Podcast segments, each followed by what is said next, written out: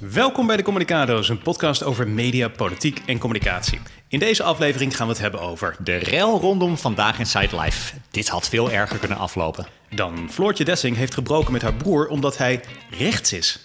Plus, Irene Moors geschoffeerd door RTL-directie. Verder, Bo laat zien hoe je wel excuses moet aanbieden. Let je op, Gordon. En eh, een smerige, maar buitengewoon effectieve manier om mensen te beïnvloeden. Als je deze podcast leuk vindt, klik dan op volgen en laat een recensie achter op Apple Podcasts. Laten we snel beginnen, want ook deze keer hebben we weer een hele leuke show.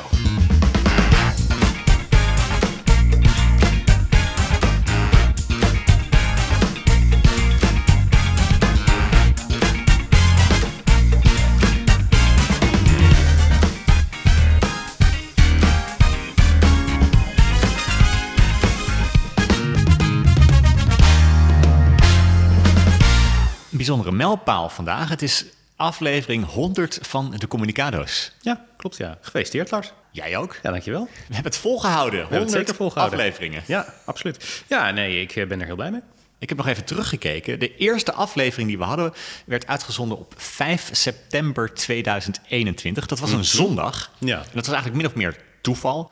We wilden ja, eh, in, in het weekend de podcast als hobby opnemen. En dan was het praktisch als hij dan zondag direct online kwam. En tegenwoordig zijn er juist heel veel mensen die zeggen van... wat je ook doet, Ja. ga niet weg van die zondagochtend. Ik ben heel blij met onze zondag. Ik, ik, Ja. Deze hebben we gewoon geclaimd deze dag, eh, dus dat moeten we ook gewoon volhouden. En ik heb even teruggekeken. De eerste aflevering hadden we eh, op die zondag 10 luisteraars. Daar waren we heel blij mee destijds. dat waren wij zelf. Meerdere keren. Ja, dat is zeker. En familie, vergeet dat niet. En dan nog een aantal familie en vrienden die, eh, misschien iemand die het per ongeluk had aangeklikt. Inmiddels zijn dat gelukkig heel veel meer. Dus ook dank aan al die luisteraars die er Ja. sindsdien bij zijn gekomen. Ik begreep van Spotify dat 80% van de luisteraars in 2023 ons heeft leren kennen. Ja, nou ja, 2023 was een goed jaar voor ons. Dus dat eh, Ja. zou inderdaad wel eh, go- goed kunnen kloppen. Eén huishoudelijke mededeling. Sinds vorige week eh, zijn onze stemmen beter uit elkaar te houden. Want er waren wel eens mensen die klaagden van jullie stemmen lijken te veel op elkaar. Ik kon me daar echt helemaal niets bij voorstellen. Dus ik heb dat eh, lang genegeerd, eh, die kritiek. maar goed, op een gegeven moment hoorde het dusdanig vaak dat ik denk van... nou, misschien is het zinvol om hier eens even naar te gaan kijken. Dus we hebben wat filters nu erop toegepast... waardoor onze stemmen ietsje anders zijn. En dank daarvoor aan Kees uh, Dorrestein die ons daarbij heeft eh, geholpen. Naast eh, presentator van The Daily Move op BNR Nieuwsradio... is hij ook goed met techniek en met audio. Dus eh, nogmaals veel dank aan Kees daarvoor. Ja, want twee dingen zijn concreet volgens mij anders. Mijn stem iets hoger dan normaal en jouw stem iets lager. En heel subtiel is de ene net iets meer in het linkerkanaal te horen en de ander net iets meer in het Het rechterkanaal is te een licht spatial audio effect wat erin zit. Het is heel subtiel, dus als je Ja. er echt op gaat letten, kan je het misschien herkennen. Maar het is een beetje alsof je tussen ons in zit. Daar komt het eigenlijk op neer. Ja. Eh, dus het is, het is heel intiem eigenlijk. We zitten bij je op schoot en Lars zit op jouw linkerbeen en ik zit op jouw rechterbeen eigenlijk. Klinkt ineens heel- Ik vind het heel gek. ja, dit klinkt ongezond. Maar goed, zo is het wel. Oké, laten we gaan naar het eerste blokje dat we wilden behandelen. Want jij hebt wel wat losgemaakt afgelopen week met jouw opmerkingen over Vandaag Inside Live. Nee, het was niet populair, dat eh, evenement. Dat is eigenlijk wat ik vorige week eh, zei. En eh, dat is inderdaad wel goed opgepikt in de zin dat daar veel over gesproken is de afgelopen week. Wilfred Genee heeft er op gereageerd in Vandaag Inside. RTL Boulevard heeft er een onderwerp over gemaakt. Ze hebben ook een stukje van onze podcast laten horen.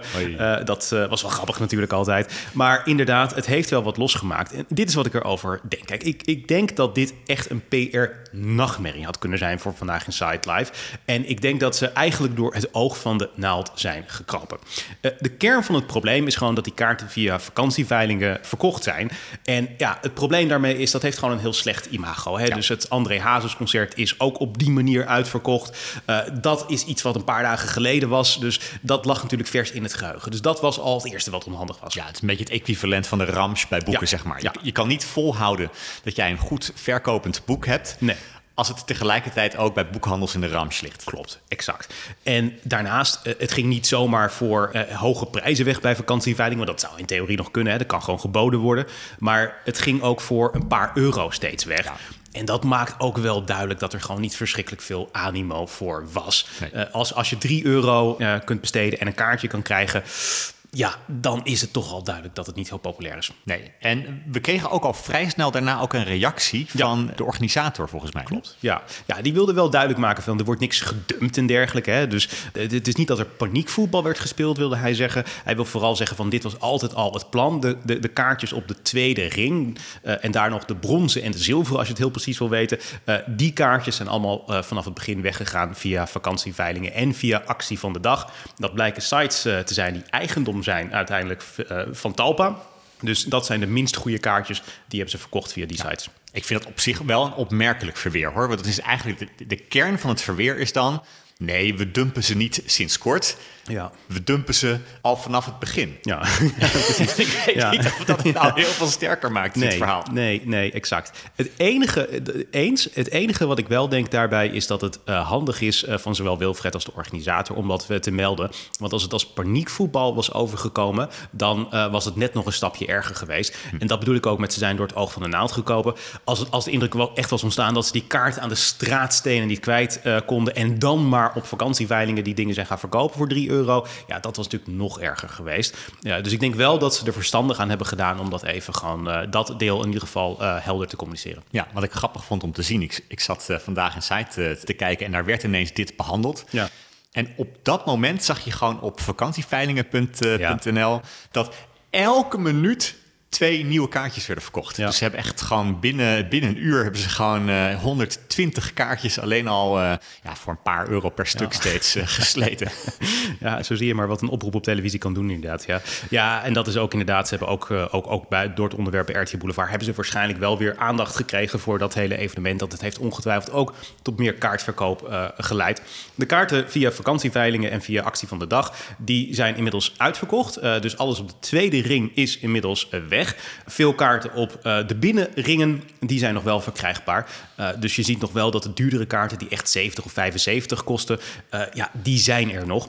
Ik had de organisator aan de lijn en ik vroeg hem direct van, nu ik je toch aan de lijn heb, wil ik wel wat andere vragen stellen. Ik heb hem onder andere de vraag gesteld van, hoe zit het met uh, uh, de verkoop? Uh, klopt het inderdaad, de analyse, dat het niet zo goed verkoopt? Nou, dat bevestigt die inderdaad. Ja, het gaat minder goed met de verkoop dan vorig jaar. Dus dat was natuurlijk de, de kern van de analyse die we vorige week hebben gemaakt. Dat blijkt te kloppen. Ik heb ook gevraagd van wat gebeurt er met plaatsen die niet verkocht zijn? Want stel nou, als de buitenste ring is nu uitverkocht. Ja. er zijn stoelen in de binnenste ringen, die zijn nog wel gewoon beschikbaar. Stel dat die niet verkocht worden de komende week. Betekent dat mensen op de buitenste ring een gratis upgrade krijgen naar de binnenste ring? Nou, het antwoord daarop is inderdaad nee, want dat zou niet eerlijk zijn voor de mensen die een duurkaartje hebben gekocht. Wat er gaat gebeuren is dat die binnenste ring waarschijnlijk, als die nog uh, beschikbaar is aan het einde van de week, dan wordt die aan relaties van Talpa gegeven. Dus dat betekent dat bijvoorbeeld een adverteerder, nou, stel dat Heineken groot heeft geadverteerd bij Talpa het afgelopen jaar, dan krijgen zij bijvoorbeeld het aanbod om met 50 man daar naartoe te komen. Heineken natuurlijk super blij. Uh, waarschijnlijk mag de directie even op de foto met Wilfred, uh, René en Johan.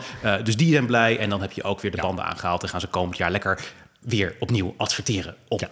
SBS-zenders. Het zou me niet verbazen als dat überhaupt al gebeurd is. Hè? Want je doet bij zo'n evenement natuurlijk al heel veel om juist je adverteerders uh, te vetteren. Dat denk ik ook. Maar daar gaan dus die overgebleven kaartjes uh, heen. Dus dat is in ieder geval wat. dus er gaan geen lege stoelen zijn, ook als de verkoop komende week nog tegenvalt. Ja. Even om, om het allemaal even samen te binden. Want ik denk, wat, wat je wel ziet, het is minder populair dan vorig jaar. Dus ik denk wel dat um, ze echt door het oog van de naald gekomen zijn. Ook in de zin dat het wel allemaal heel erg commercieel oogt. En ik vind wel dat uh, VI er moet opletten dat ze misschien wel erg commercieel handig bezig zijn. Dat er allemaal wel heel veel geld verdiend wordt, maar dat ze wat weinig terugdoen voor de fans van dat programma. We weten natuurlijk dat dat programma anders is dan andere talkshows, omdat er echt een, een, een hardcore club is. Echt een harde kern van aanhangers die dat programma door dik en door dun gesteund heeft. Ja. En die hebben er ook voor gezorgd dat toen het programma eigenlijk niet zulke hoge kijkcijfers had, het wel op de buis is gebleven. Want die zijn het programma altijd trouw gebleven. Nou, als je zo'n harde kern hebt, zal je ook ervoor kunnen kiezen om iets terug te doen voor die mensen. Wat misschien niet super uh, rendabel is, uh, maar wat bijvoorbeeld een fandag is. Hè? Waar, waar, mensen wel een kaartje voor moeten kopen. Misschien kost het zelfs 70 euro. Maar waar bijvoorbeeld maar duizend mensen aanwezig zijn... die allemaal op de foto kunnen als ze dat willen... met Johan en René en Wilfred. En sterren vinden het natuurlijk nooit leuk om een hele dag alleen maar te poseren... voor foto's met, met, met, met gewoon fans. Maar dat is wel uiteindelijk wat een service is aan de fans van dat programma.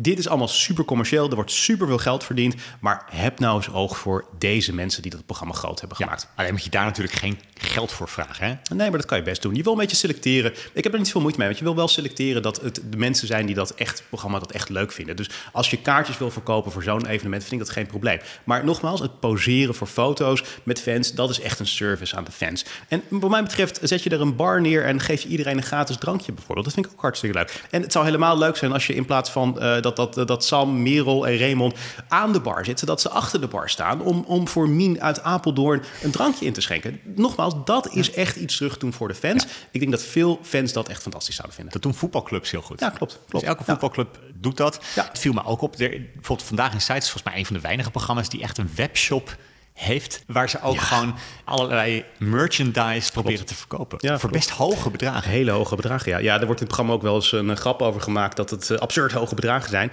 Ja, ook dat wekt bij mij weer het gevoel op van ik vind het allemaal erg commercieel en weinig fangericht. Uh, dus uh, ook daar denk ik van het kan wel een tikje minder, ja. Helemaal goed. Jij wilde een compliment Zeker. uitdelen aan Bo. Ja. Want dit, dit, moeten we echt markeren ook. Van, uh, mensen zeggen soms, wat, wat, wat is Victor negatief? Of, of, of als ze soms zeggen zelfs, wat zijn jullie beiden negatief? Dat snap ik helemaal niet. dat kunnen onze stemmen niet uit elkaar halen. Dat is het probleem is, gewoon. maar jij wil hier een compliment maken aan Bo. Ik heb echt veel respect gekregen voor Bo uh, de afgelopen week. Want uh, hij heeft excuses aangeboden. En ik vind dat dat uh, veel te weinig gebeurt, omdat er veel te veel mensen in Hilversum zijn, zijn die een veel te groot ego hebben en daarom geen excuses aanbieden. En Bo doet dat gewoon ruiterlijk. Wat is er gebeurd? Bo had in een interview gezegd dat hij over een paar jaar gaat stoppen met tv. Dat heeft hij gezegd in een interview, interview met Weekblad Privé. Die pakte daar ook groot mee uit. Hij zei dat hij toe is aan een ander leven. een letterlijke quote daar is: Mijn gevoel zegt dat ik nu nog een jaar of drie of vier doorga. Maar daarna zou het afgelopen zijn. Nou, ik begrijp wel dat toen hij dat terug uh, las, dat hij dacht van oei, oei, oei, onhandig. Want dan ben je weg, toch? Ja. Dan krijg je ook geen nieuw aanbod meer. Een, een, zender gaat niet meer in je investeren. Nou, ik denk vooral, nou, ik denk dat ze dat wel doen. Want hij is op zich wel een grote televisiester. Maar je ziet bij uh, uh, voetbalclubs bijvoorbeeld dat zodra de trainer aankondigt dat hij aan het einde van het seizoen weggaat. Ja ben je ook wel je autoriteit kwijt. Ja, ik weet niet of dat op dezelfde manier speelt in de tv-wereld. Maar ik denk dat het vooral onhandig is, omdat het decadent overkomt. Dit was trouwens een verzoeknummer van Rob Goosens. Die vroeg mij of we wat vaker voetbalmetaforen willen gebruiken. dus okay. Hij zei van, ik mis de afgelopen aflevering de voetbalmetaforen. Nou, dus speciaal voor jou, Rob. Dit is... Uh, Goed. Voetbal. Nou, we gaan dit evalueren om te kijken of ik het ook hiermee eens ben. Maar dat komt uh, later uitgebreid aan bod. Uh, nee, maar ik vond het onhandig dat hij dat zei. Om dezelfde reden dat hij het zelf waarschijnlijk onhandig vond. Omdat het erg decadent is. Hè? Kijk, hard werken is wat een stratenmaker doet. Dat zijn mensen die de hele dag in de kou, afgelopen week, buiten aan het werk zijn. Als je dan bij jezelf gaat nadenken, zou ik over twee of drie jaar ermee willen stoppen en gewoon op een lekker lange vakantie willen gaan? Ik begrijp dat zo iemand daarover nadenkt. Maar als jouw baan is om elke avond een gezellig gesprek met leuke, populaire mensen te voeren. Uh, ja, weet je, dat is het beste werk wat je kunt hebben. Om dan een beetje decadent te gaan zitten klagen van, oh, ik ben toe aan iets nieuws en dergelijke. De stratenmaker kan zich daar gewoon niet mee identificeren. Je vervreemdt je van de gewone man. Dus ik begrijp dat hij heel veel spijt had van die uitspraak. Nou, dat zette hij vervolgens, tenminste dat probeerde hij recht te zetten door te zeggen van, dat interview, dat kan ik me niet herinneren. Met andere woorden, wat hij eigenlijk zei, is dat Privé het maar verzonnen had dat, dat het niet had plaatsgevonden of dat ze het totaal uit de context hadden getrokken. Nou, toen reageerde hoofdredacteur van Privé Evert Santegoeds daarop door niet alleen de audio online te zetten, maar ook een foto van het interview. Ja, toen was wel duidelijk dat het natuurlijk wel degelijk had plaatsgevonden. Toen ging vervolgens Bo door het stof. Hij zei: Nou, beste Evert, ik heb zo ontzettend lang met jou gewerkt en ik weet het. Jij bent zo'n pitbull op de waarheid. En dit keer heb ik me even in de kuiten laten bijten. Maar je hebt helemaal gelijk gehad. Net als je journalist. Dus mijn excuses aan jullie beiden. Toedeloe. Hm, goed. Ja. ja. Gewoon echt oprechte, duidelijke excuses. Geen uh, slappe smoesjes erbij. Geen, uh, geen, geen dingen die, die, die het allemaal weer moeten nuanceren. Ja, precies. Die, het, het, is gewoon recht toe, recht aan. Ik heb een fout gemaakt. Hierbij mijn excuses. En hij gaat weer door. En dat vind ik gewoon echt hartstikke goed. En dit is denk ik ook een van de redenen waarom Bo zo'n lange carrière heeft in Hilversum. En als ik dan vergelijk met iemand zoals Gordon, hè, ook al vaker besproken in deze podcast die weigert bijna altijd excuses aan te bieden. En ik heb zoiets van, kijk, als Gordon nou gewoon wat vaker excuses zou aanbieden, dan zou hij best een lange, dan zal hij waarschijnlijk nu weer een nieuw televisiecontract krijgen. Hij maakt grove uh, grappen en weet je, dat is best oké. Dan moet je ook accepteren dat je af en toe te ver gaat. Maar als je gewoon ruiterlijk excuses maakt, dan denk ik dat mensen dat gewoon bereid zijn om te accepteren. Ja, maar wacht eens even. Je hebt afgelopen, het afgelopen jaar heb je volgens mij meerdere keren verteld dat hij 15 flops achter elkaar heeft. En nu zeg je ineens, ja, maar als hij af en toe sorry zou zeggen, dan zou hij toch een nieuw contract krijgen. Uh, ja, maar die flops die zijn wel een groot probleem. Maar ik denk ook dat hij onhandelbaar uh, is uh, voor heel veel directies van tv-zenders. Gordon is iemand die een loose cannon is, om het maar zo te zeggen. En als hij nou gewoon ietsje meer gewoon redelijk probeert te zijn, af en toe probeert te erkennen dat hij een fout maakt, dan denk ik dat veel mensen die scherpe randjes meer zouden accepteren. Oké, genoeg complimenten. Zullen we het gaan hebben over Floortje Dessing? Ja, ja, ja, ja, ja, Floortje. Jij bent geen fan van Floortje, volgens mij. Niet echt, nee. Nee, nee, nee. Ja, ik, nee, dat ben ik niet. Kijk, Floortje werkt bij eh, BNN-Vara, heeft een links profiel. Nou, dat uh, is allemaal tot uh, daaraan toe. Maar haar broer, die is niet links. Sterker nog, die is behoorlijk recht, want die is actief voor Forum voor Democratie. En niet zomaar, hij zit in de Eerste Kamer. Hij is senator. Zijn naam is Johan Dessing. En hij vertelde onlangs aan de story dat zij het contact met hem heeft uh, verbroken. Uh, even de letterlijke quote erbij. Het feit dat ik politiek actief ben geworden voor Forum voor Democratie heeft een breuk in ons contact veroorzaakt, uh, zegt hij. En hij vervolgt op een gegeven moment nam Forum bepaalde standpunten in. En dan zei Floortje: Als je daar nu geen afstand van neemt, dan ken ik je niet meer als mijn broer. Ja, oké. Heeft zij daar zelf wel eens wat over gezegd? Want kijk, nu horen we zijn kant van het verhaal, hè? Ja. Maar misschien speelt er wel meer, of is er achter de schermen wel meer gebeurd? En is dit zijn versie van uh, wat er is gebeurd? Ze heeft er wel wat uh, over gezegd. Uh, ze heeft eens een keer in het programma gezeten samen met Mark Rutte bij Linda de Mol. Linda, Linda's wintermaand of zomermaand, een van die twee was dat. En toen heeft ze wel gezegd dat dit een probleem was in hun relatie, inderdaad. Ja. Hm. Ja. Um, ja, of er meer speelt, dat weet ik uiteraard niet. Maar dit is in ieder geval iets wat altijd wel een ding is geweest. En ik zat me gewoon eens af te vragen van, wat vind ik daar nou van? Is dit nou iets wat we zouden moeten goedkeuren? Dat iemand een familieband verbreekt omdat iemand een andere politieke voorkeur heeft? Ik vind dat wel echt heel erg ver gaan. En ik moet je heel erg zeggen dat ik er eigenlijk best wel een slecht gevoel bij heb.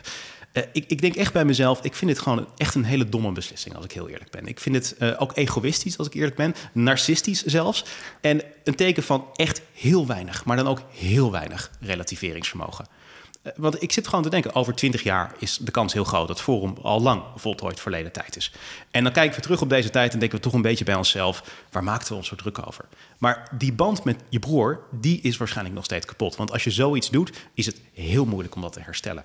En ik denk dat dat besef bij dit soort mensen wel er iets meer zou mogen zijn. Die familieband is best belangrijk. Familie moet je wel koesteren, wat mij betreft. En om zomaar te grabbel te gooien omdat iemand een paar dingen doet waar jij het niet mee eens bent, ik vind dat echt wel een bizar slechte beslissing. Ja.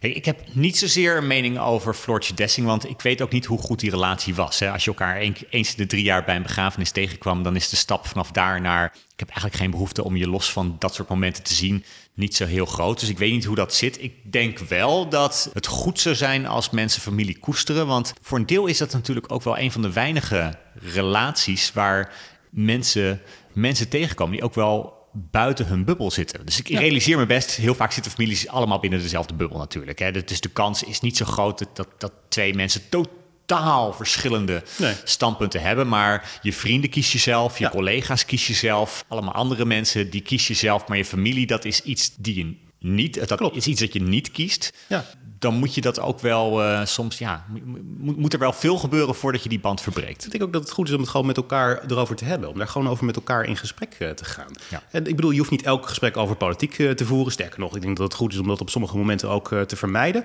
Maar juist om, als je problemen hebt met de politieke standpunten van je broer, close blijven biedt wel het voordeel dat je met hem in gesprek kunt blijven. Waardoor je ook weer kan voorkomen dat zo iemand misschien nog verder radicaliseert. Dus ook daar zitten echt wel voordelen in. En ik denk de reden waarom zo iemand breekt, waarom breek je nou met je broer omdat hij bij Forum voor Democratie zit? Kijk, ik vind dat ook ergens weinig relativeringsvermogen etaleren. Want Forum voor Democratie, met al het respect, is een irrelevante partij. En Johan Dessing is een irrelevant figuur in die irrelevante partij.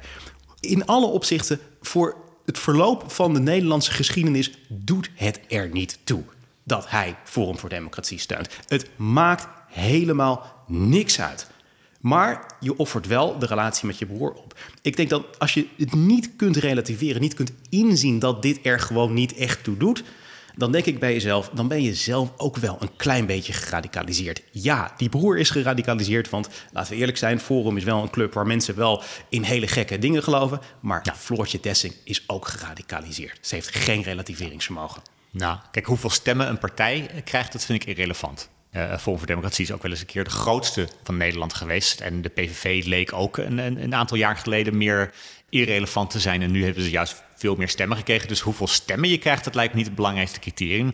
Ik kan me wel ook wel voorstellen dat iemand die in de Eerste Kamer extreem rechts geluid laat horen, mhm. toch wel wat anders is dan iemand die op een borrel af en toe rare dingen roept. Want iedereen heeft wel zo'n oom die een ongepaste opmerking maakt op een verjaardag. Dat vind ik wel makkelijker te tolereren dan iemand die probeert andere mensen voor een, een extreem rechts geluid te winnen. Als jij een familielid had wat uh, voor uh, Forum de Kamer inging, uh, zou jij dan het contact verbreken? Ik denk niet dat ik het snel het contact zou verbreken, maar ik denk wel dat kijk, je gaat iemand misschien wel minder vaak zien natuurlijk op het moment dat je wel het gevoel hebt van het is natuurlijk wel heel snel zo dat je uh, heel veel gesprekken die je samen voert, dan daarop terugkomen. En dan zou je of misschien soms samen kunnen afspreken van laten we gewoon elkaar blijven zien, maar we gaan het niet over politiek hebben. Maar dat, dat, heel goed. Dat zou kunnen. Ik zou ook zeker niet alles uh, politiseren, inderdaad. Ja. Nee, exact. Zo zou ik het ook aanpakken, denk ik inderdaad. Ja, ja. maar het laatste argument wat ik hierbij heb, ik vind het ook narcistisch. Want weet je wat het is? Waarom breekt zij nou met haar broer? Is dat nou echt omdat ze denkt van ik ga het land hiermee redden? Nogmaals, dat geloof ik niet echt en dat zou ook niet helemaal terecht zijn, zoals ik net al aangaf de voornaamste reden waarom zij met haar broer breekt, is omdat zij niet geassocieerd wil worden met Forum voor Democratie. Zij vindt het vervelend om door haar vrienden daarop te worden aangesproken. Het is gewoon een narcistische, egoïstische actie om dit te doen. Ik vind dat eerlijk gezegd schandalig. En uh, ik vind, uh, ja, ik bedoel, ik, ik had eerlijk gezegd haar niet heel erg hoog staan. Maar dit heeft voor mij wel ervoor gezorgd dat Floortje verder heeft afgedaan. Ja, nou, ik, ik, ik weet niet wat daar allemaal verder speelt. Dus ik, ik, ik heb daar geen uh, mening over. Nou, dan heb je dit heel mooi diplomatiek verwoord, Lars. Uh, laten we het hebben over het uh, wegbezuinigen van NPO 3. Want jij wilde het daarover hebben, zei je. Ja, ik, ik kreeg heel veel reacties van mensen die mij erop aanspraken van... nou Lars, jij, jij, jij neemt wel erg makkelijk afscheid van NPO 3. Want straks heb je 100 dagen een rechtskabinet. Dan, dan heb je NPO 3 dat blijvend van de buis is. Ja. En je vindt het maar geen probleem. En toen dacht ik, ja, weet je wat hier het punt is? Dat heel veel mensen vinden het volgens mij een slecht idee. Vooral omdat dit een idee is van de VVD. Of eh, van andere rechtse partijen. Ja, bijvoorbeeld de PVV. Ja. Terwijl, als je echt kijkt naar wat er de afgelopen jaren gebeurd is... het was notabene Arie Slop van de ChristenUnie in een kabinet van D66... die exact dit al heeft voorgesteld. Hij heeft een, een, een, wijziging voor de, voor de mediawet voorgesteld... waarbij NPO 3 zou verdwijnen. Ja. Uh, er zou iets voor in de plaats komen met regionale televisie en zo. En uiteindelijk werd er heel heftig gelobbyd vanuit Hilversum... van nee, het mag niet, het kan niet. En toen heeft Arie Slop heeft gezegd van nou, vooruit, vooruit... dan mag NPO 3 blijven... Maar het idee om afscheid te nemen van NPO 3, dat is echt niet een rechts idee. Dat is gewoon D66 en ChristenUnie hebben dit ook gesteund. Dus ik, ik hoop dat mensen dat wel meenemen van zo, zo gek is dat idee ook weer niet. En ik denk dat uh, als je ook kijkt naar de, naar de toekomst, kijk, jij, jij merkt de vorige keer al op van hoeveel jongeren kijken überhaupt naar lineaire televisie. Als je kijkt naar de BBC, die heeft 35 eh, kanalen in totaal. En dat zijn ook kanalen als BBC Kids, maar ook CBBS. Dat is voor kinderen onder de zes. Ze hebben allemaal digitale kanalen. Ja. ik denk dat als je echt jongeren wil bereiken, dat misschien wel een veel betere manier is dan een echt een lineair kanaal. Ja, media verandert. En dat betekent ook dat je de, de infrastructuur daaromheen moet veranderen ik vind het ook echt geen gekke uh, wijziging hoor. Uh, om inderdaad uh, NPO 3 en misschien zelfs ook 3FM te schrappen. Maar goed, dat is een andere discussie. Maar interessant inderdaad, ja. Oké, ik zat naar een interessante podcast te luisteren afgelopen, afgelopen vrijdag. Toen kwam die uit namelijk. Een nieuwe podcast van Corneel Evers en Remco Kraak. En die heet Kind van de jaren 90. Nou, dat ben ik natuurlijk. Dat ben jij ook. Ik vond het hartstikke leuk. het was een interview met Irene Moors. Dat is toch wel een beetje mijn ja, jeugdidool. Dus dat vond ik ook echt wel wel hartstikke leuk om daar naar te luisteren. Anderhalf uur geboeid geluisterd. Ik kan hem echt zeer van harte aanbevelen, die podcast. Erg leuk dat ze dat doen. Ja, ik ben nu voor het eerst in jouw nieuwe huis, maar ik heb nergens een foto gezien van Irene Moors. Nee, dus ergens toch wel dat gaat misschien wat ver, inderdaad, ja. Maar er zat voor mij iets in wat ik nog niet eerder had gehoord. Wat ik wel echt interessant vind. En dat is ook niet uh, uh, ja, eerder bekend uh, gemaakt. ze praat over haar overstap naar SBS. En dat wordt natuurlijk een beetje een legendarisch, gezien als een legendarisch slechte overstap. die het einde van haar tv-carrière heeft ingeluid. Ze is natuurlijk alleen maar nog te zien in de reclameblokken, in reclames van de Vriendenloterij. SBS was niet zo'n uh, verstandige uh, overstap uh, in haar geval. Maar ze vertelt daarbij iets wat nog niet eerder bekend was. Want wat nou het geval is, is dat zij op een gegeven moment was gestopt met het programma wat ze samen met Carlo deed. Dat was Live for You. Een beetje telekids voor volwassenen was ja. dat trouwens. en kort daarna liep haar contract af. En toen is ze uiteindelijk overgestapt naar SBS. Maar ze vertelt in deze podcast dat ze wel een nieuw programma kreeg aangeboden van RTL 4. En het is op een gegeven moment zelfs duidelijk welk programma dat is. Eerst heeft het over een klusprogramma. En even later wordt duidelijk dat het gaat om eigen huis en tuin. Dus als zij bij RTL 4 wilde blijven werken, dan had zij eigen huis en tuin moeten gaan presenteren. Dat is het aanbod wat zij kreeg van de RTL-directie. Oké. Het past misschien wel. Was ze niet in dat uh, programma heel wild aan het trommelen, zeg maar? ja, maar dat is natuurlijk wel... Kijk, de programma's die ze deed waren personality-programma's. Uh, om dan terug te gaan naar eigen huis en tuin... ze zou dan de opvolger zijn van Quinty Trustwell... die op dat moment dat programma zou verlaten. Ja, eigen huis en tuin is toch een beetje waar de B-presentatoren die niet al te veel personality hebben gaan zitten. Uh, ik kan me voorstellen dat je dat ziet als een degradatie. Daarnaast heeft Irene het programma gepresenteerd in de jaren 90 vroeg in haar carrière. Dus ja, dat voelt wel echt als een echte achteruitgang. En ik begrijp dat dat verklaart voor mij wel waarom zij is overgestapt naar SBS, waar ze wel personality programma's mocht maken, zoals haar eigen talkshow. Die heette Naar bed met Irene. Dat scoorde allemaal niet, dat was niet succesvol, maar dat was wel het type programma wat zij leuker vond om te presenteren en wat ook meer paste bij wat ze de afgelopen jaren had gedaan. Hm. En de reden waarom ik het ook interessant vond, is omdat dit in de periode 2015-2016 was, toen Erland Galjaard nog programmadirecteur was. Dit is ook de periode waarin Albert uh, Verlinde flink onder vuur lag. Die sprak daar een tijdje geleden ook over. Die beschreef die periode als een nare tijd bij RTL, omdat er eigenlijk een soort van wat hij noemde sectevorming ontstond tussen Erland Galjaard, uh, zijn vrouw uh, Wendy van Dijk, ook Umberto Tan en Thijs Reumer waren onderdeel van die club. En eigenlijk hoe Albert het beschreef, als je niet tot die club behoorde, dan kreeg je veel minder kansen. En uh, Carlo Boshart heeft zich daar ook wel eens over uitgelaten. Die heeft ook wel eens gezegd van hij kreeg in die tijd veel minder kansen. Hij voelde zich niet gewaardeerd. Hij voelde zich op de reservebank gezet. Omdat hij gewoon minder goed overweg kon met Erland Galjaard. Dat is wel interessant, want Carlo Boshart heeft nu juist weer heel veel succes bij RTL 4. Hm. Toen der tijd zat hij dus op de reservebank. Nu weer heel veel succes. En het geeft voor mij aan dat er echt wel in die tijd ja, wel fundamentele fouten zijn gemaakt bij RTL 4. En ik denk de meest fundamentele fout is dat uh, destijds er beslissingen werden genomen op basis van vriendjespolitiek. Dus niet op basis van de merites. Of je goed was. Ja, exact. Maar op basis van of jij tot het clubje van Erland behoorde. En dat is ook een teken dat iemand te machtig is geworden. Dat iemand uh, misschien te veel in zichzelf is gaan geloven. En dat is denk ik wel echt wat daar is gebeurd met dat hele clubje is het slecht afgelopen. Thijs Reumer weten we. Umberto Tan heeft later uh, flinke problemen gehad. Lijkt nu een beetje te herstellen eindelijk. Maar nou ja, goed, uh, heeft ook uh, magere jaren gekend. Met Wendy's carrière gaat het minder goed. Erland zelf is natuurlijk ook weer weg bij Talpa. Ook zijn televisiecarrière lijkt over achter de schermen. Het punt is, die mensen zijn op een gegeven moment heel erg veel in zichzelf gaan geloven. En ik vind eerlijk gezegd het aanbod om Irene Moors uh, op dat moment eigen huis en tuin te laten presenteren echt wel een beledigend aanbod, als ik eerlijk ben hoor. Want dit is uh, een presentatrice die letterlijk sinds één, uh, dag één bij die zender zit. Ze heeft een ster op de RTL Walk of Fame. En dan niet eigen huis en tuin. Ja, dat ja. past daar echt niet bij. Dus okay. uh, dingen bij SBS werkten niet. En uiteindelijk uh, nou ja, goed, leidde er daartoe dat uh, de carrière ook minder werd en zo. Nou, dat, dat, dat kan gebeuren. Dat, dat is op zich niet heel opmerkelijk. Maar ja, dit geeft aan dat Albert Vliende wel gelijk had. dingen bij RTL waren echt niet fijn in die tijd. Oké. Okay. En jij was ook boos als fan van Irene Mors. ik zie ook gewoon aan jou dat je... Ja, jij hebt nee, er boos over. Nou, ja, het, ik, vind het, ja, ik vind het oprecht een belediging. Dat meende okay. ik wel. Ik was er wel echt even door ontdaan toen ik dit hoorde, ja. ja. En ze, ze zegt het overigens heel beleefd. Want ze wil in eerste instantie niet zeggen dat het eigen huis en tuin is. Dus die presentatoren die, die moeten het een beetje uit haar gezien te krijgen. Maar het is wel duidelijk dat dit hoe het is, hoe het zit. Oké. Okay. Uh, Even als laatste, Medisch Centrum West Ja. keert terug. Ik, ik heb het vroeger nooit gekeken, jij wel? Ja, ik heb het wel gekeken. Ja, een, een beetje. Ik keek het vooral met mijn ouders mee, want ik was er wel een klein beetje te jong voor. Het is eigenlijk de eerste soap die Nederland ooit heeft eh, gekend, want eh, ja, dat was het natuurlijk. Ja, maar als je zeg maar 25 jaar geleden in een, in een, in een diepvries eh, werd gestopt en, en nu weer tot leven Ja. wordt gebracht, dan zie je ineens dat alle televisieprogramma's hetzelfde zijn Dat is gebleven. bizar. Ja, het is echt zo'n trend, inderdaad. Je ziet heel veel programma's terugkomen. In Amerika heb je dat ook. Eh, ik heb ook eh, reboots gekeken van eh, Beverly Hills 90210 met de oorspronkelijke cast. Ook met Saved by the Bell heeft een reboot gehad. Het is echt een trend internationaal. In Nederland hebben we het vorige week besproken in het kader van Gooise Vrouwen dat terugkomt. Nou, nu komt ook Medisch Centrum West terug.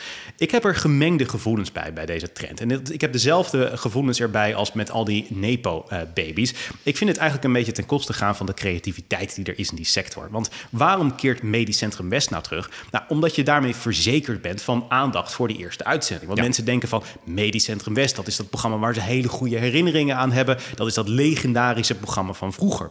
En dus is bijna de eerste aflevering gegarandeerd om een groot kijkerspubliek te trekken. En dat is de reden waarom ze het doen. Of het een goede serie gaat zijn, nou, dat is nog maar helemaal de vraag. Maar de reden waarom ik. Dat, dat is ook de reden waarom al die Nepo-babies ook allerlei eh, platen eh, uitbrengen en programma's mogen presenteren. Eh, als jij de zoon van bent, dan heeft dat automatisch. interesseert meer mensen dat. Hè? Dus die gaan automatisch een keer luisteren naar die plaat of kijken naar dat programma. Maar het nadeel is, is dat echte artiesten die misschien meer talent hebben, Ja, geen kans krijgen. geen kans krijgen. En datzelfde heb ik bij Medisch Centrum. We gaan nu dat programma terugbrengen. Maar dat betekent dat misschien een echt beter idee niet uiteindelijk op het scherm komt. En als ik kijk naar welke series van de afgelopen jaren ik met heel veel plezier heb gekeken, die ik echt absoluut het beste vond, dan zijn dat series zoals eh, Breaking Bad, House of Cards, The Crown. En dat is allemaal origineel werk. House of Cards niet natuurlijk. Dat is gebaseerd op een eh, eerdere Dat serie. is een fair punt, inderdaad. Ja. Een, een Britse serie uit de jaren 80. Dat is Ja. waar, inderdaad. Ja, ja. Maar in die zin is het nog wel origineel dat eh, het niet op nostalgie gebaseerd is. Nee, ja. Eh, want de meeste mensen wisten eigenlijk niet dat het een serie was uit de jaren 80 uit Groot-Brittannië. Dus dat, ik vind het nog wel anders. Maar goed, fair enough in ieder geval. Maar ik vind de beste series echt origineel werk vaak. En de kijker wil uiteindelijk verrast worden. En ik betwijfel heel sterk of er nog heel veel mensen geïnteresseerd zijn in nieuwe Medisch Centrum Best naar 10 afleveringen. En overigens, en dit gaat even een heel klein punt worden. Ik weet zeker, Lars, dat jou dit helemaal niks kan interesseren. Maar ik heb ook even nagedacht. zeggen. Je ja, wil toch ik moet het even zeggen. Eh, ik heb ook even nagedacht. Want eh, het, het, het populairste personage uit eh Medisch Centrum is het, West is natuurlijk dokter Jan van der Woude, gespeeld door Mark Klein-Essink. Is dit kennis die jij hebt trouwens? Nee. Nee, dat dacht ik al.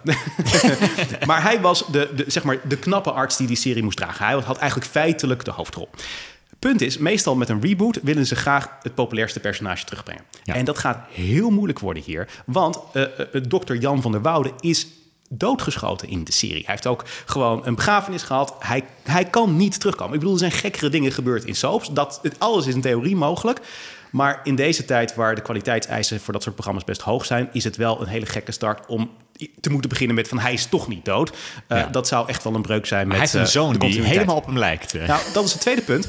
Je zou kunnen zeggen, dan is het toch de zoon van die terugkomt. Oh. Maar dat kan ook niet, want in aflevering 1, letterlijk scène 1 van Mark Klein Essink, blijkt dat hij onvruchtbaar is. Hij kan geen kinderen krijgen. Dat is een belangrijke verhaallijn in de eerste aflevering. Ja. Dus ook dat is afgesneden. Dus hoe zij een personage rondom Jan van der Woude gaan terugbrengen, dat is best wel lastig. Daar moeten ze al best wel wat kunstgrepen voor plegen. Misschien wordt het een neefje of een nichtje, maar het gaat pittig worden. Ja. Ik denk dat dit overigens wel de belangrijkste verandering in de podcast is sinds die eerste aflevering op 5 september eh, 2021. Dat we in het begin elkaar dingen probeerden te vertellen. En, en, en nu zeg jij, voor maar ik je weet dat dit jou niks interesseert. van, ik weet dat het je niks interesseert, maar ik vertel het voor al die Ja. andere mensen. Ja, maar ja, ik vind het dus wel een interessant punt. Ik ben echt heel benieuwd hoe ze dit gaan doen. Maar oké, fair enough. Oké, goed. Oké, nou, straks gaan we kijken naar een smerige, maar buitengewoon effectieve manier om mensen te beïnvloeden. Maar voordat we dat gaan doen, is het tijd voor de tune van de week. Want elke week kies jij, Victor, een legendarische tv-tune uit jouw collectie die volgens het Guinness Book of World Records maar liefst 78 dagen aan muziek bevat. Victor, wat heb je meegenomen? Ik neem ondertussen even een eh, pepernoot. Kruidnoot. Mm, heerlijk. Een van de beste dingen aan Sinterklaas is het feit dat er pepernoten zijn. Oké. Nou, dit had je tijdens de tune kunnen Nee, doen. dat is waar. Ik heb eh, een, fantastische tune meegenomen. Nou, nou zit ik echt met die pepernoot in mijn mond. Dit is slecht getimed. Mm, ik heb eh, de tune meegenomen van eh, Idols. En dat is natuurlijk een legendarisch programma. En de tune die je gaat horen is in Nederland gebruikt, maar die is ook over de hele wereld gebruikt. Ik ga zo de tune laten horen. Ik denk dat bijna iedereen hem wel zal herkennen. Hij is gemaakt door uh, twee uh, Britse producenten van muziek, namelijk Barry Stone en Julian Gingle, of uh, iets in die trant, ik weet niet precies hoe het uitspreekt. Maar dat waren ook de producers die platen maakten voor de eerste Britse winnaar van het uh, programma, het moederprogramma Pop Idol. Uh, ze, ze, maakten heel veel popmuziek feitelijk. En deze tune moest in de stijl zijn van popmuziek. Dus daarom maakten zij ook de tune van het programma. Hij is over de hele wereld te horen geweest. Maar de oorspronkelijke versie, die ga ik je eerst even laten horen. Want ze hadden in eerste instantie een versie gemaakt die wat meer cheesy was. Hm? Die wat meer in lijn was met tunes van programma's zoals de Surprise Show. Gezongen, een beetje eh, dat je denkt van ja, een typische tv-tune uit de jaren 90. De producenten vonden het niks en kwamen uiteindelijk dus uh, terecht uh, bij uh, iets wat moderner was. Maar even de versie die nooit te horen is geweest, maar die oorspronkelijk bedoeld was als de tune van het programma Idols.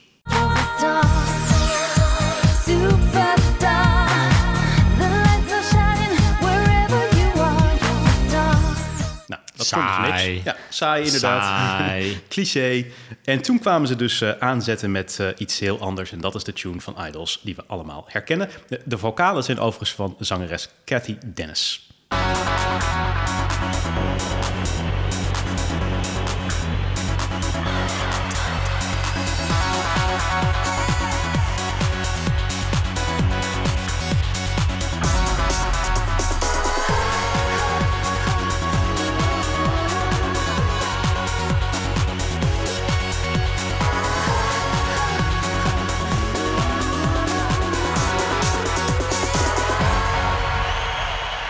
Ken zelfs ik. Ja. Die kent zelfs ik. Ja, maar best een goede tune, toch? Ja. Ja, past ook wel bij het programma. Ja, zeker in, in combinatie met wat er gebeurt op het scherm, denk ja. ik. Hè? Ja. Ja, zeker. Het is gewoon heel modern in de stijl van de muziek. Uh, producent uh, Simon uh, Voller was er heel blij mee. Oké. Okay. Even voordat we verder gaan naar die smerige, maar buitengewoon effectieve manier om mensen te beïnvloeden. Even een observatie, want jij bekritiseert Amsterdam wel eens. En dan heb je over wat er allemaal in Amsterdam gebeurt. Maar ik kwam hier naartoe rijden en jij woont in de buurt van uh, Rotterdam. En ik kwam hier gereden over een route die straks een enorme snelweg wordt. Mhm. En de gemeente Rotterdam noemt die de Groene Boog. Mm-hmm.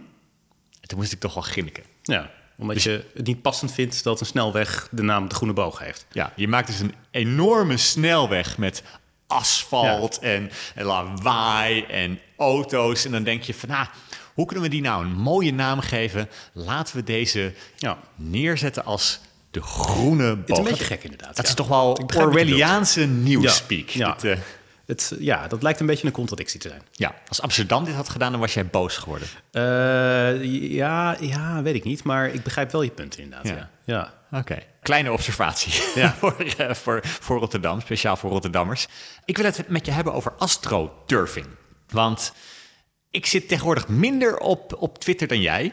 Jij bent echt uh, ineens heel actief aan het, uh, aan het twitteren de laatste nou, tijd. valt wel mee, toch? Ja, maar vroeger, vroeger was het andersom. Zat ik op Twitter en jij niet. Maar tegenwoordig verstuur jij meer tweets dan ik. Maar dat is wel waar, ja. als ik dan op Twitter kijk, dan staat mijn timeline vol met betaalde berichten van redschiphol.nl. Even tussendoor, waarom zit je minder op Twitter eigenlijk?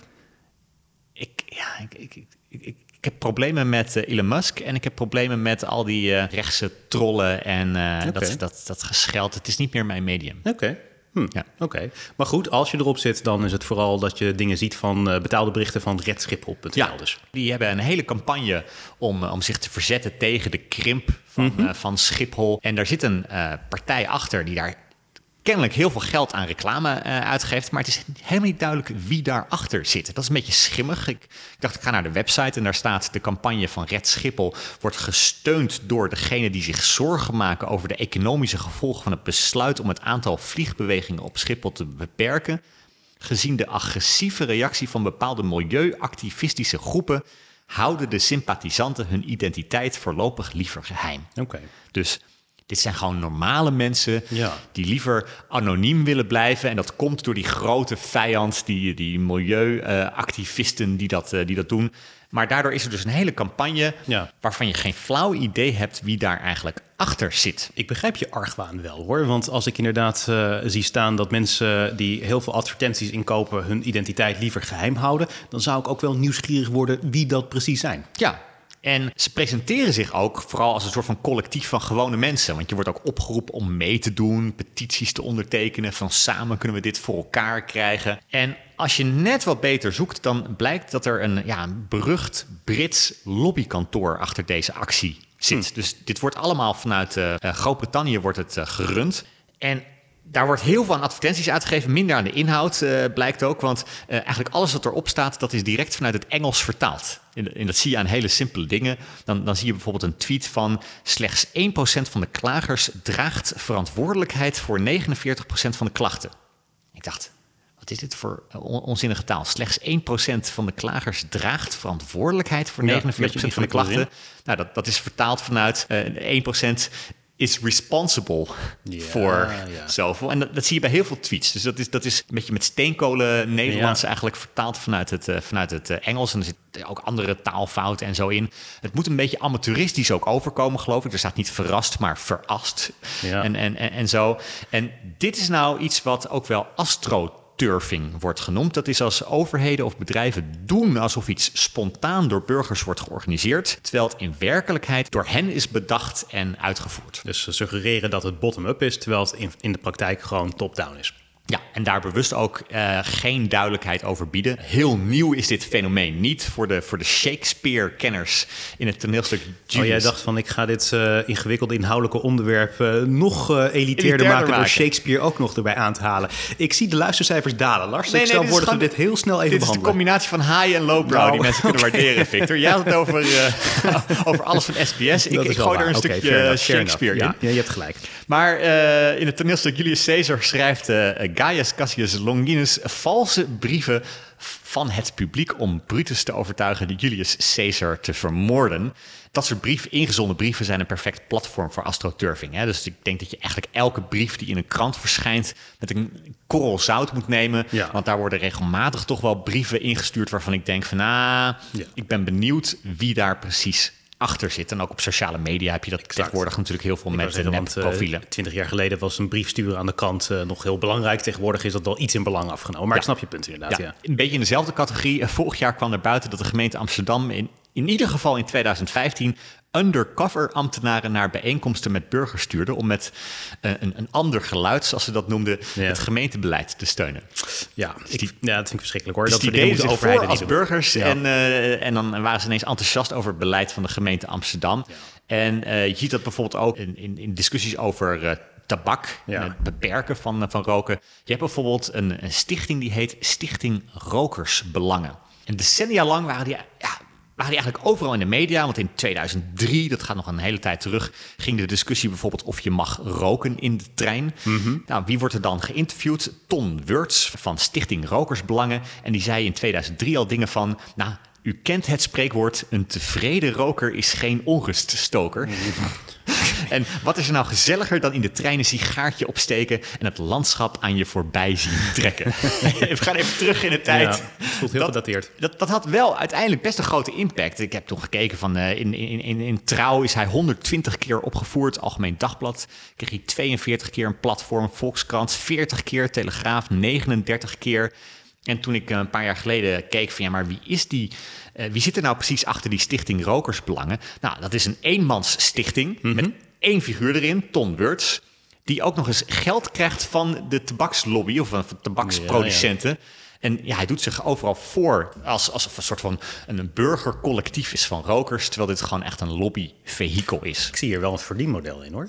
Nou ja, het, het is voor heel veel mensen een Ja, verdienmodel. Zeggen, want volgens mij kan je het gewoon voor een eh, impopulair eh, doel eh, gaan opnemen. En dan ga jij ook brieven naar de kant sturen Ja. en al dat soort dingen. Die ga je erover twitteren weer, als jij dan terugbrengt op de platform. Ja. En dan kan je ondertussen grote facturen sturen naar de, de bedrijven die, die wiens belangen je dient. Nou ja, iets wat ik een, een, onderbelicht punt vind, is dat landmijnen zijn eigenlijk heel positief. En je moet eigenlijk investeren in landmijnen. vind je ook niet, eh, Victor?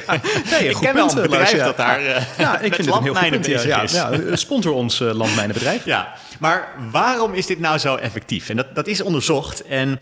Kijk, het, het, is vooral effectief omdat je onzekerheid creëert en het vertrouwen van beweringen verlaagt bij mensen. Dus het is niet zozeer dat mensen enthousiaster worden over Schiphol, maar ze nemen alles wat de tegenstanders van Schiphol zeggen met een extra korrel zout. Dat is een beetje wat, uh, wat de Britten ook wel zeggen van if you can't convince them, confuse them. Hè? Dus je schept een beetje twijfel, je creëert twijfel. Dat is natuurlijk ook in de discussie rondom het klimaat heel veel gebeurd. Hè? Dus ook uh, astroturfing is in de klimaatdiscussie is dat veel gebruikt om extra twijfel te creëren bij klimaatwetenschap.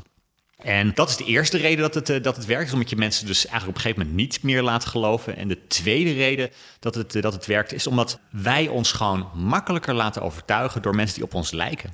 Dus een advertentie neem je met een korreltje zout, maar iemand die ja, gewoon een, een, een, een mens van vlees en bloed is, ook gewoon een, een burger dat neem je serieus. Dat is bijvoorbeeld ook waarom uh, reviews van hotels, van reizen en zo precies. heel serieus worden genomen, omdat we denken dat die worden gemaakt door mensen zoals jij en ik. Dus we gaan ervan uit, uh, onbewust, dat uh, redschiphol.nl gewoon uh, normale burgers zijn die zich heel erg bekommeren om het lot van Schiphol. Ja. mensen zoals jij en ik. Precies, en dat maakt het eigenlijk al geloofwaardiger. Dus dat is de reden dat het, dat het werkt. En ik kende de term astroturfing wel, maar wat ik ook wel grappig vond, ik, ik had eigenlijk geen idee waar het vandaan komt. Jij, jij wel? nee, volgens mij ook niet. Nee, nou ja, kijk, het is eigenlijk de tegenhanger van grassroots. Hè? Dus, dus mhm. dingen die vanuit het gewone normale mensen worden georganiseerd, een soort van burgerinitiatief. Het suggereert grassroots, terwijl dat het niet is natuurlijk. Precies. En wat is het tegenovergestelde van grassroots? Kunstgras. Mm. Het is gewoon, fake, het is nep. Het is niet mm. grassroots, het is gewoon kunstgras. En uh, in Amerika is de belangrijkste producent van kunstgras AstroTurf. Hm. Dus zo heet dat bedrijf, ja, AstroTurf. Die maakt kunstgras. En daar komt de hele term astroturfing vandaan. Oké, en, en waarschijnlijk is die in 1985 bedacht door senator Lloyd Benson. Die kreeg heel veel kaartjes van kiezers die vooral ja, klaagden over iets waar eigenlijk alleen verzekeringsmaatschappijen baat bij hadden. En toen zei hij: A fellow from Texas can tell the difference between grassroots and astroturf. This is generated mail. Hm. Dus ja, zo is het ontstaan. Lloyd Benson heeft wel meer uh, geweldige one-liners uh, trouwens, uh, maar dat even terzijde. Ik vind het wel interessant, want er zit ook een hele, zeg maar, dunne scheidslijn tussen wat aan de ene kant grassroots is en wat aan de andere kant astroturf is. Want ik moet ook wel denken aan de campagne van Obama, waar al bij altijd werd gezegd, dit is grassroots. Nou, jij en ik zijn destijds ook naar de VS geweest. Wij hebben ook, laten zeggen, ja, precies, laten zeggen, een beetje meegewerkt aan die campagne. En het punt is dat dat eigenlijk in de praktijk ook wel weer meeviel. Want heel veel werd gecoördineerd vanuit de top van die campagne. Was het echt grassroots? Ik heb daar altijd wel mijn vraagtekens bij gezet. Maar zo werd het wel overal gepresenteerd. Ja, ja, zelfs in de scripts die we gebruikten, moest je continu benadrukken van ik ben een vrijwilliger. Ja. En, uh, namens de grassroots, het stond er letterlijk in, uh, ik ben een vrijwilliger namens de grassroots campagne van Obama. Dat ja. moest altijd gezegd worden als je langs de deuren ging of als je mensen aan de telefoon had. Maar dat vond, vond, vond ik wel meevallen eigenlijk. Dan ben je sympathieker namelijk dan wanneer je zegt van ik ben een vertegenwoordiger van de Obama campagne. Maar het, in de praktijk is het dus een dunne scheidslijn, wil ik zeggen. Ja, nee eens. Ja. Zeker als dat inderdaad gefaciliteerd wordt. Ja, hoe, hoe grassroots is het dan nog? Ja. Ik vraag me af welke uh, campagnes nou echt, echt grassroots zijn. Want ik denk dat in de praktijk dat er best wel weinig zijn. Ja. Het is misschien het waard om daar eens een keer in te gaan duiken. Maar ik denk dat heel veel campagnes ergens wel georganiseerd worden door een partij die ook wel gewoon veel macht en veel belangen heeft. Ja. Het is niet altijd erg, hè, want dat mag natuurlijk ook gewoon. Dat is ook hoe vrijheid van meningsuiting uh, werkt. Uh, ook mensen en organisaties met belangen mogen dingen zeggen. Maar die transparantie, want dat is natuurlijk ook waar het hier om gaat, die is wel cruciaal. Ja, en dan is de laatste vraag hier nog over van, kun je daar iets tegen doen? Tegen toch wel de, de misleidende astroturf-campagnes. En ja. het, goede nieuws is, als je, volgens mij als je het effectief doorprikt, dan is het effect ook weg. Want ik, ik schreef in, uh, in, in 2019 een stuk in de Volkskrant... Waar, waarin ik uh, blootlegde hoe Tom Wurts eigenlijk gewoon een eenmans uh, stichting is... die ook nog eens geld krijgt van de tabaksindustrie. En daarvoor werd hij heel veel uitgenodigd in de media. Sindsdien nooit meer. Hm. Dus stiekem ben ik wel trots dat ik gewoon het hele businessmodel van Ton Wurts verpest heb. Ja, oké. Ehm, maar verder ben je niet haatdragend geweest? Dus dat Nou, valt voor de rest mee. nou, weet wat misschien wel grappig is het te weten. Eh, ik had het stuk geschreven voor de Volkskrant. En vervolgens werd er een eh, soort van eh, intimiderende brief gestuurd door de lobbyist van Philip Morris. Mhm. Die eiste dat dat gerectificeerd zou worden. Dat Philip Morris daar ook geld aan zijn stichting geeft en zo. Ja. is natuurlijk nooit gerectificeerd. Eh, Nee. ze hadden ook inhoudelijk hadden ze geen goed eh, punt. Maar als je het dan hebt over haatdragendheid, dat briefje, dat weet ik nog wel, dat werd gestuurd door Joram Kammer. Dit is een lobbyist die kennelijk werkt eh, voor, eh, voor de tabaksindustrie. Die rijk wordt van zorgen dat meer kinderen kanker krijgen, zeg maar. Dan stel je jezelf voor op zo'n feestje. Wie ben jij? Van ja, ik ben Joram. En, en wat doe jij? Nou ja, ik zorg dat meer kinderen kanker Ja, krijgen. Ja, dit is een beetje Ehm, framing, hè, Lars? Dit, eh, moet ik wel, eh, dit is echt framing. Hij hij verdient daar zijn geld in ieder geval mee. En maar, ja, gelukkig heeft die brief niks opgeleverd. Maar het is wel, laat een beetje zien hoe die, hoe die sector toch wel mensen probeert te, te intimideren. Ja. Redschiphol.nl wordt overigens nooit uitgenodigd in de, in de, in de media. Nee. Maar probeert natuurlijk wel op de sociale media mensen te beïnvloeden.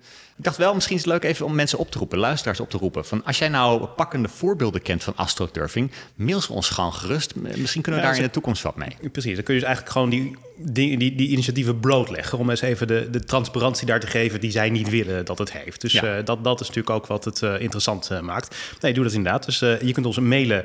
Je kunt volgens mij Lars nog steeds wel bereiken via Twitter. Hè, toch? Dat kan altijd Ik zeggen, je bent niet helemaal weg. Lars Duursma op Twitter, dames en heren. Kan ook. Oké, dan is weer tijd voor Vraag het Fik aan Lars. De rubriek waarin we elke week vragen van luisteraars beantwoorden. In deze onzekere tijden zijn we jouw bron van wijsheid gratis en voor niks.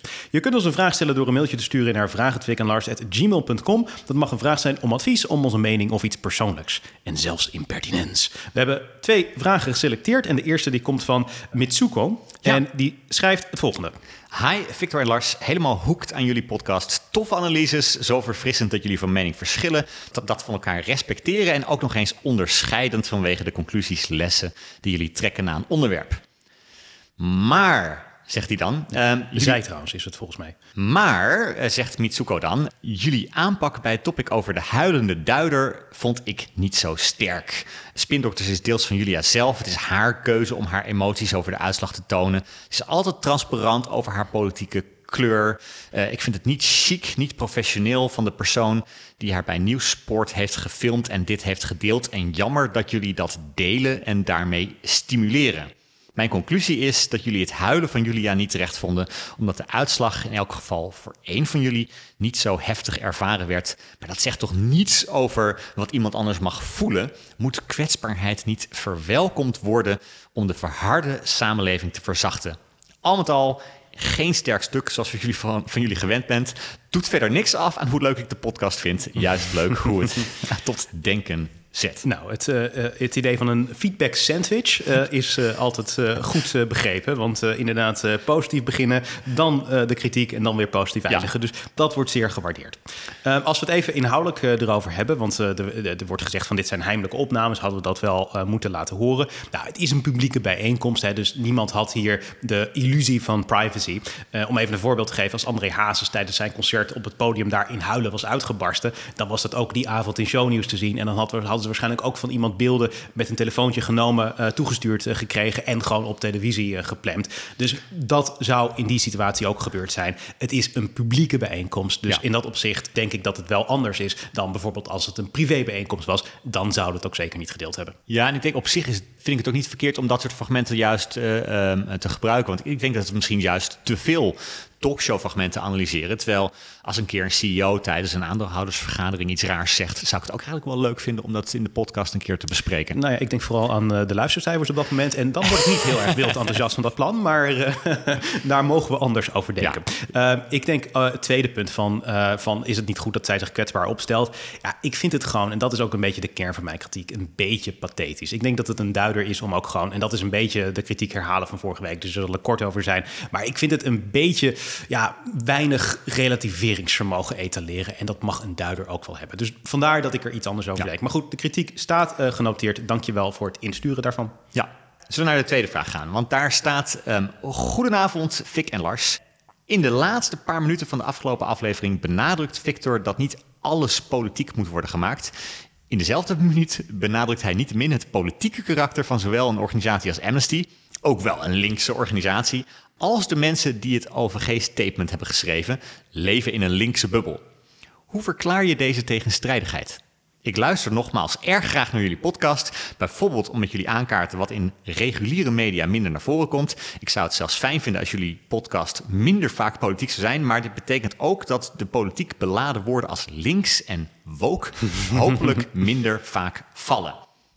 Hoe denken jullie erover? Dank voor de mooie podcast. Groetjes, Nick. Nou, jij was hier volgens mij heel blij mee. Nou, sowieso weer een feedback sandwich. Hè? Dus iedereen die gebruikt de feedback Ja, sandwich dat goed. is heel goed. Ik vond Nick een held. Want dit is inderdaad wel eh, met stip mijn grootste ergernis aan jou, eh, Victor. De intellectuele luiheid waarmee jij overal in elke bijzin het woord links of woke stopt. Ja, ik vind het geen intellectuele Kap waarheid. daarmee, Ja. Victor. Het is gewoon een beschrijving eh, die toch volgens mij gewoon heel letterlijk daar wordt gebruikt. Maar goed, even het inhoudelijke punt dan van... is het niet heel erg dingen politiek maken... als ik een organisatie zoals Amnesty als een linkse organisatie beschrijf?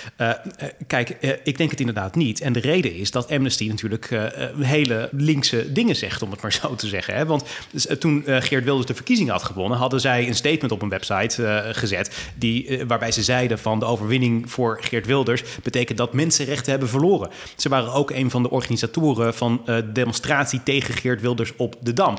Dus als zij allerlei dingen doen die zeer politiek gekleurd zijn... ja, als ik dan zeg het is een linkse organisatie, dan lijkt mij dat gewoon een feitelijke beschrijving wat er aan het gebeuren is. Dus ik maak het niet politiek. Ik denk dat er waarde is in dingen niet politiek maken, maar dan moet je dus ook jezelf niet een heel politiek profiel gaan aanmeten. Ik denk dat een, een, een club zoals Amnesty International, die, die opkomt voor mensenrechten, dat dat heel veel waarde kan hebben. Maar je moet niet al te politiek worden als je gezien wil worden als een gezaghebbende organisatie door mensen die aan alle kanten van het politieke spectrum zit. Dus ik denk dat primair de verantwoordelijkheid voor dingen niet politiek eh, eh, maken ligt bij organisaties die zichzelf een, eh, een, een- een politiek profiel aanmeten. En dat ziekenhuis wat we vorige keer hadden, ja, die, die, die mensen die leven in een linkse bubbel omdat zij een, een soort van anti-Wilders verklaring op de website zetten. En dat is min of meer per ongeluk, omdat ze zich niet beseffen dat ze in die linkse bubbel leven. Maar dan zou ik zeggen, doe dit gewoon niet. Want je schoffeert onbedoeld toch mensen, namelijk Wilderstemmers. En dat moet je niet doen. Ja. Ik vind het geen politiek statement. Nee, dat dacht ik al. Nee. maar jij bent links, Lars, dus... Maar als, je, als, je, eh, eh, zeg, als jij strijdt voor mensenrechten, zou ik het juist heel gek vinden als je dat overal doet, behalve in eigen land. Kijk, wat, wat het zo lastig maakt, is dat eh, de mensenrechten niet op het spel staan. Dat is gewoon het punt. Dit is niet te vergelijken met wat er gebeurt in China of wat er gebeurt in Rusland of noem het maar op. Dit is zo van een totaal andere orde. Onze mensenrechten staan niet op het spel. En ik begrijp dat sommige mensen vinden dat Geert Wilders wel degelijk een groot gevaar is, maar het is echt helemaal niet hetzelfde als wat daar gebeurt. En wederom, ik heb het al vaker genoemd, het woord relativeringsvermogen is ook hier wel van toepassing. Want ja, Geert Wilders wil de Koran verbieden, maar jongens, daar is geen Kamermeerderheid voor. Dat gaat nu niet gebeuren en ook morgen niet. Ik vind het wel een hele gevaarlijke manier van, eh, van denken. Want op een gegeven moment kan je alles relativeren. En ik, ik vermoed dat er in, eh, in Polen en Hongarije ook een hoop gerelativeerd is. Tot ze op een gegeven moment in een situatie kwamen waar inderdaad wel heel weinig mocht. En waar de rechten van, eh, van homo's, eh, van, van de hele LHBTI-gemeenschap geschonden wordt. Kijk, als je maar lang genoeg ontkent dat iets een bedreiging is en alles relativeert, dan krijg je op een gegeven moment dat je in een situatie komt waarbij je denkt: shit, had ik tien jaar geleden maar wat eh, meer van me laten horen. Ik zou dus willen zorgen dat het niet die kant op gaat. Maar ik zou daar juist voor willen zorgen door te zorgen dat dat, dat verlangen naar gemeenschapszin, wat er denk ik is bij heel veel mensen, dat dat uiteindelijk ehm, eh, op een manier geuit kan worden en dat het vorm krijgt die wel constructief is. Ik denk het onderdrukken van geluiden leidt tot het Ja. feit dat je een backlash riskeert. Ja, maar ga dan uit van de, in, bijvoorbeeld bij zo'n OVG, van de juiste intenties van die mensen. Nee, dat je zegt van met, met de beste intenties proberen ze iets wat misschien ik, niet ik ga, ik ga is. eigenlijk helemaal niet uit van de slechte intenties. Ik zeg alleen dat ze in een linkse bubbel leven. Dat zou je helemaal niet weten. Je kent die mensen nou niet. Ja, ze zitten toch in Amsterdam. Eh, d- d- Dit statement is best wel wereldwijd. Iedereen in Amsterdam is links. Ja, nou ja, best wel veel mensen. Ja, dat blijkt gewoon uit kiezersgegevens. Ja. Nou, niet iedereen is links in het Nee, dat ziekenhuis. weet ik, maar Ja. wel heel veel mensen. Maar goed, nogmaals, ik eh, vind het een, een fout en dat is de reden. Ik denk dat organisaties zich niet politiek moeten profileren. Ja. Ik denk dat dat heel veel waarde in zit. Dus dat is inderdaad nou ja, de reden waarom ik dat eh aanhaal. Ik Maar ben het eens met je, Nick, maar we hebben. Victor niet kunnen overtuigen vandaag. Maar de, de, de slag is verloren, daarmee nog niet de oorlog. Nou, dank voor jullie vragen. Vraag het fikkenlars.gmail.com is het adres waar ook jij jouw vraag naartoe kunt sturen. Tot zover deze aflevering van de Communicado's. Als je dit een leuke podcast vond, klik dan op en schrijf direct een recensie in Apple Podcast. Ik wens je een hele fijne week. Hoi hoi.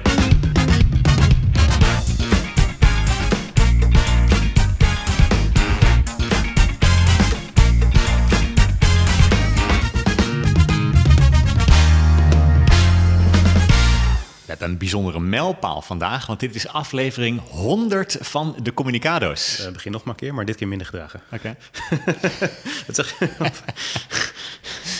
Het is zo, dames en heren,